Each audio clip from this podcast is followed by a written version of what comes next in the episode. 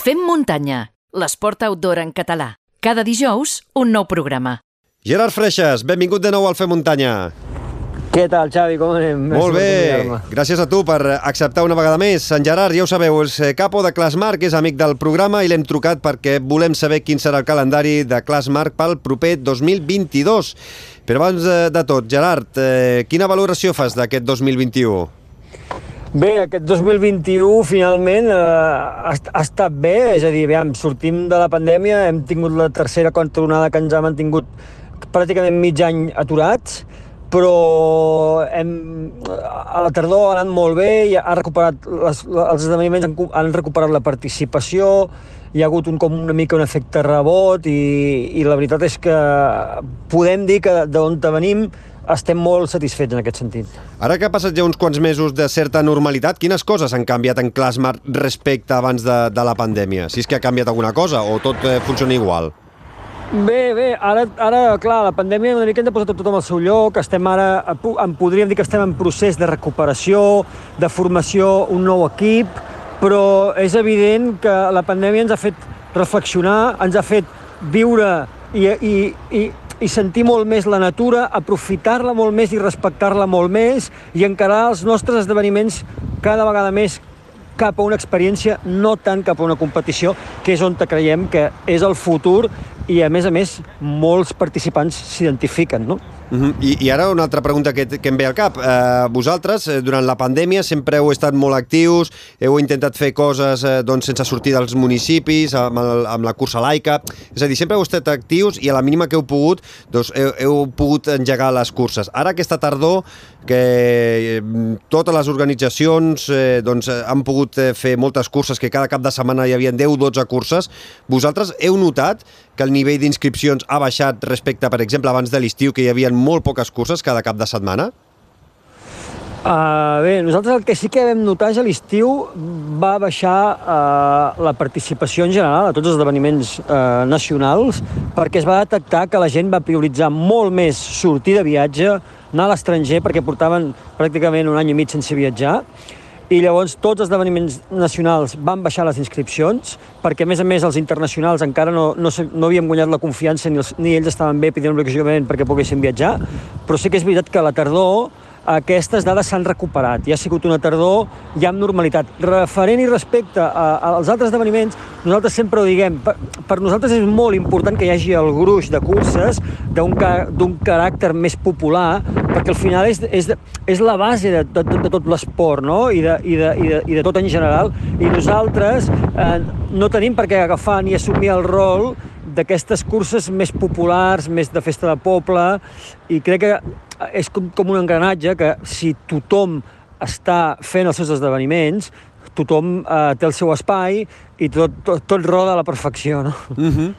Vinga, va, Gerard, comencem a repassar una mica el calendari, si et sembla, per aquest hivern eh, 2021-2022. Uh, heu acabat aquesta tardor, llavors la primera cursa d'hivern la teniu un clàssic eh, que s'ha de disputar l'hivern, que aquest any passat, aquest any 2021 s'ha disputat eh, durant la primavera, que és la Trail Rocacorba, el 30 de gener. Quines distàncies i modalitats hi hauran?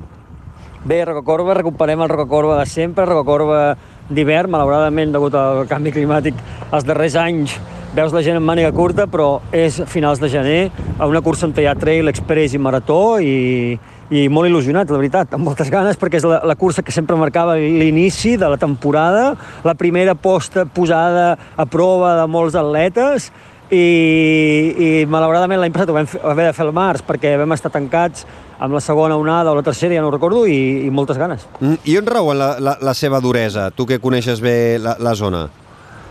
Bé, Rocacorba al final crec que la gent fa una valoració molt positiva perquè és, és el conjunt de tot el recorregut, val? que és una zona molt inèdita, molt remota, molt desconeguda per molta gent, molt a la vora de Girona, i amaga una xarxa de camins i corriols molt ben mantinguts, molt macos, molt humits, eh, amb una vegetació molt frondosa i això fa que es tingui un encant especial i es faci un terreny ideal per córrer. Mm, Aquesta he de dir, eh, que vaig participar el 2020, abans de la pandèmia, dels 30 quilòmetres, la trail, i no sé si és perquè estem, a, com deies, eh, a inici de temporada o què, però, hòstia, vaig patir, patir, no? vaig patir, vaig patir molt, molt, molt. I, sí. i també, però també diré que és una, una meravella. Eh? El, el, pujar al Rocacorba i després la Riera, la baixada per la Riera, és senzillament espectacular i molt recomanable. Molt bé. Bé, després de Rocacorba, el 30 de gener, tenim el 13 de febrer, més a prop de, de Barcelona, la Montserrat Sky Race. En principi, què? Dues distàncies, no? Com sempre?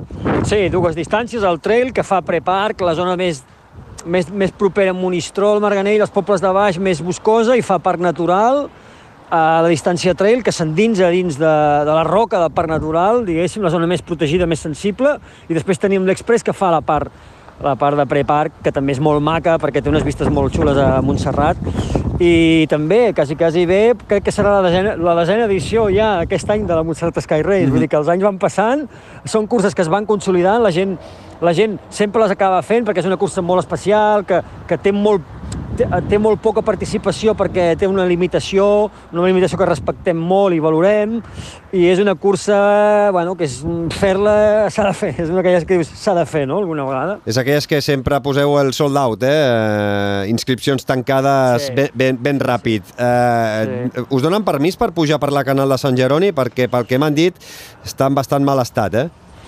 Sí, no, no, ja vam acordar fa dos anys amb el parc.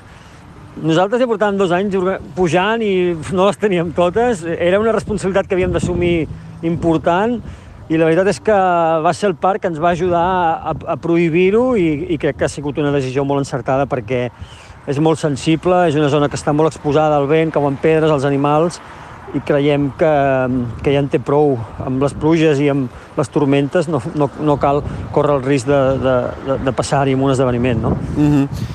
I la darrera del, eh, del mes, diguéssim, de, de, de l'hivern, que ja estarem gairebé, gairebé a la primavera, el 20 de març, una de les proves més joves del vostre calendari, que no per això menys dura ni menys espectacular, la Trail Costa Brava. Aquest any, quines distàncies oferiu i perquè la gent no la conegui, per què és una prova tan exigent, Gerard?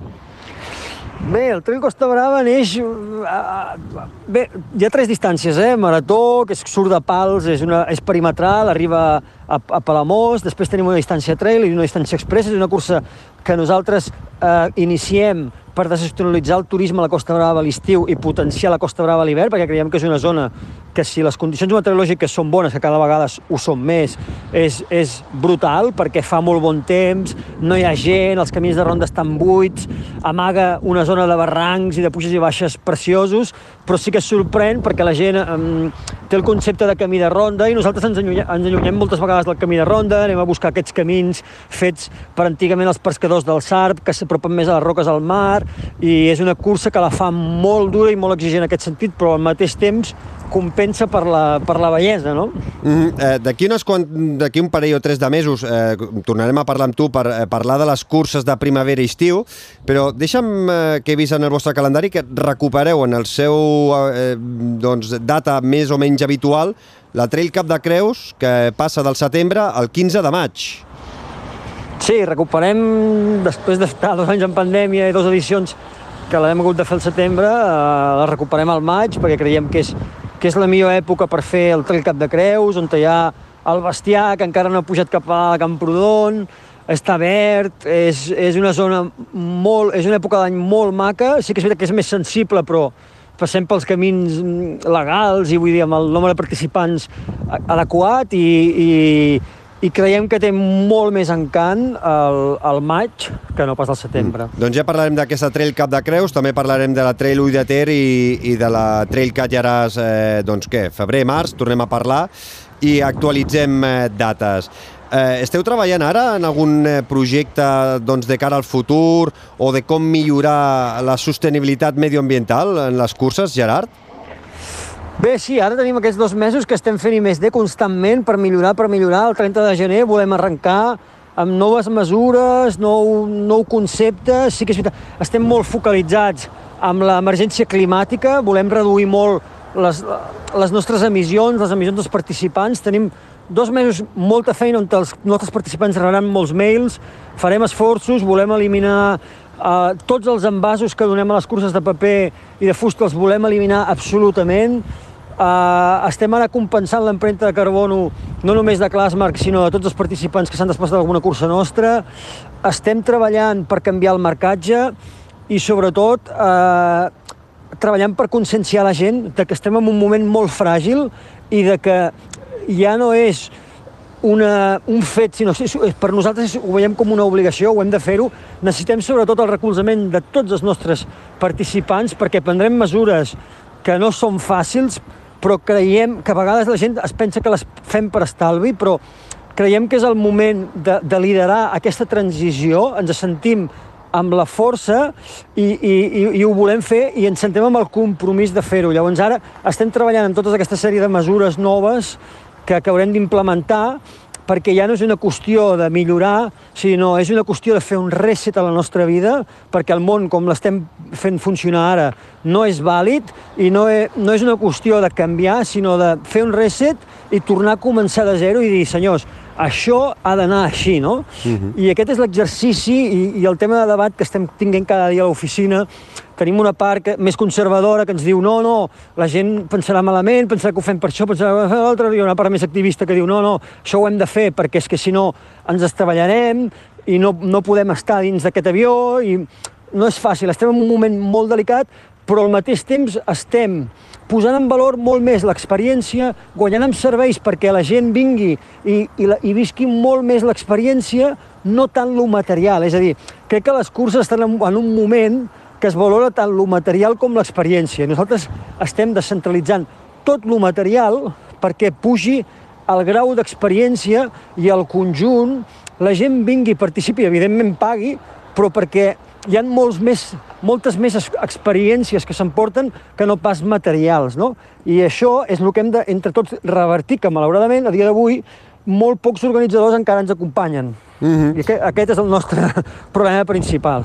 No, no, i a més a més eh, teniu segell de, per exemple, l'organització Petjada Verda, sempre sou de les organitzacions que esteu millor valorades. Sí, bueno, al final Petjada Verda és, és un reconeixement d'aquí, però crec que al final el que hem de buscar és, és ser realistes, mm -hmm. veure quines emissions estem, estem produint, veure com està el món i, i buscar certificacions reals, tangibles, amb números, amb ciència, i això, si ho tens així, la gent ho entén, no? I això és molt complicat. Gerard, bé, vaig acabant. Eh, aquest any eh, tornaran les missions X3 o no? Sí, estem treballant amb, amb, amb les Mixon X3 també. Estem ara acabant de perfilar el format, Uh, també estàvem treballant amb un, amb un ultra, vale? que, que esperem ben aviat poder-ho comunicar. Estem treballant, estic jo personalment treballant amb un, amb un concepte que es diu Flower Fest, que és una cursa per relleus, pètals i algunes bogeries que sempre ens venen en cap, però en, en, en definitiva nosaltres hem tancat el nostre ventall d'esdeveniments, volem consolidar els que ja tenim, que estan 10, 11 i 12 edicions aquest any, i no volem créixer més en, en, en produir nous esdeveniments, sinó en consolidar i fer créixer i guanyar molt més els que ja tenim. No? Mm. I, I com tenim el nivell d'inscripcions? Eh, estan obertes ja per totes les curses de les quals ja hem parlat ara mateix? diria que no, diria que només hi ha Roca Corba. Ara aquesta setmana crec que obrirem, o la setmana que ve obrim Montserrat i, i Costa Brava obrirem també al, al llarg del mes de desembre perquè eh, tenim aquesta opció de regala, que és molt maca, que és una de les coses que volem incentivar, no?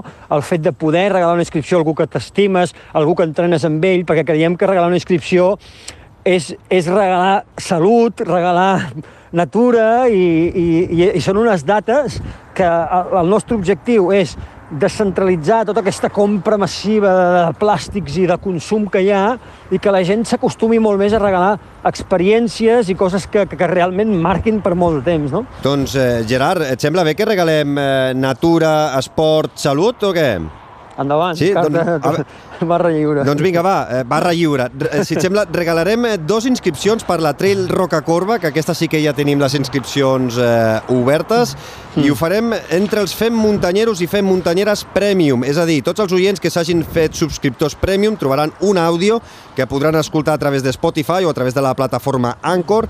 En aquest àudio explicaré què és el que han de fer aquests subscriptors Premium si volen guanyar una d'aquestes dues inscripcions que tenim eh, per qualsevol de les distàncies per la Trail Roca Corba. En el proper mm, programa, en el 54, donarem els noms dels guanyadors o guanyadores ja sabeu que per fer-vos subscriptors premium i d'aquesta eh, manera també col·laborar amb el Fem Muntanya heu de clicar l'enllaç que trobareu a les notes del programa i ja sabeu que només per 1,99 cèntims donareu un cop de mà al programa i a més podreu optar per, com en aquest cas, eh, participar eh, per inscripcions, eh, en aquest cas per la Trail Roca Corbes. Si voleu informació o us voleu inscriure, eh, podeu entrar a classmark.com. Gerard Freixas, com sempre, un plaer xerrar amb tu, m'encanta parlar amb tu. Eh, dona una abraçada a tota la família de Classmark i ens escoltem d'aquí ben poc i ens veiem a Canet d'Adri. Tu no t'escaqueixis, eh, Roca Corba, i vine, no. esmor i vine esmorzat aquest any, eh? No, no, vindré, bé, intentarem no patir tant com eh, fa dos anys.